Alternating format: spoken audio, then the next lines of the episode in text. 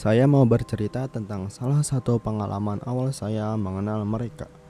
Cerita ini berlatar belakang saat saya masih kelas 3 SD.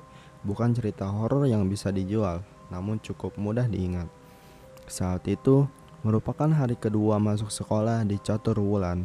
Haduh, merasa tua banget ada istilah catur wulan. Saya masuk kelas 3. Hari itu saya sedang duduk-duduk di dalam kelas sewaktu istirahat.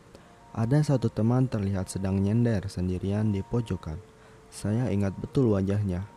Itu seperti orang yang kecapean, napasnya ngos-ngosan. Namun saya tidak ingat dia saat perkenalan hari kemarin. Mungkin dia tidak masuk, pikir saya. Ke arahnya lah saya menuju. Pengennya tak ajak ngobrol sama kenalan. Pas saya duduk di sebelahnya, dia tampak kaget melihat saya. Tak sapa, halo. Dia cuma diam, tersenyum kecil, dan langsung pergi keluar kelas. Bingung-bingung dah saya saat itu. Hari berikutnya, saya ketemu dia di perjalanan pulang. Rumah saya di gunung saat itu. Dan bisa dibayangkan, jalur saya saat itu adalah hutan kecil. Dia, sekali lagi, nyender di salah satu pohon dengan posisi membelakangi saya. Entah dia lagi ngapain, yang jelas tangannya terlihat sibuk. Saya memutuskan untuk tetap berjalan melewati dia dengan menyapa, "Monggo, Mas." Dia sedikit menoleh dan terlihat tersenyum kecil ke arah saya.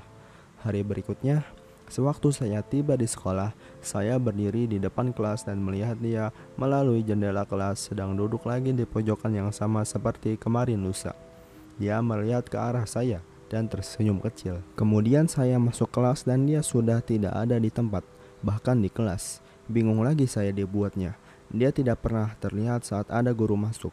Mulailah saya menebak-nebak siapa dia. Satu minggu kemudian saya baru sadar kalau dia bukan penghuni kelas saya.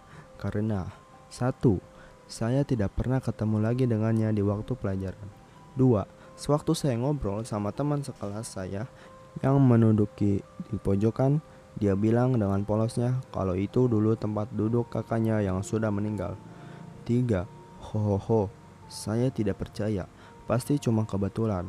Namun, pada saat saya bermain ke rumah teman saya itu, dengan tidak sengaja saya melihat koleksi foto keluarganya dan di salah satu ada potret dua orang.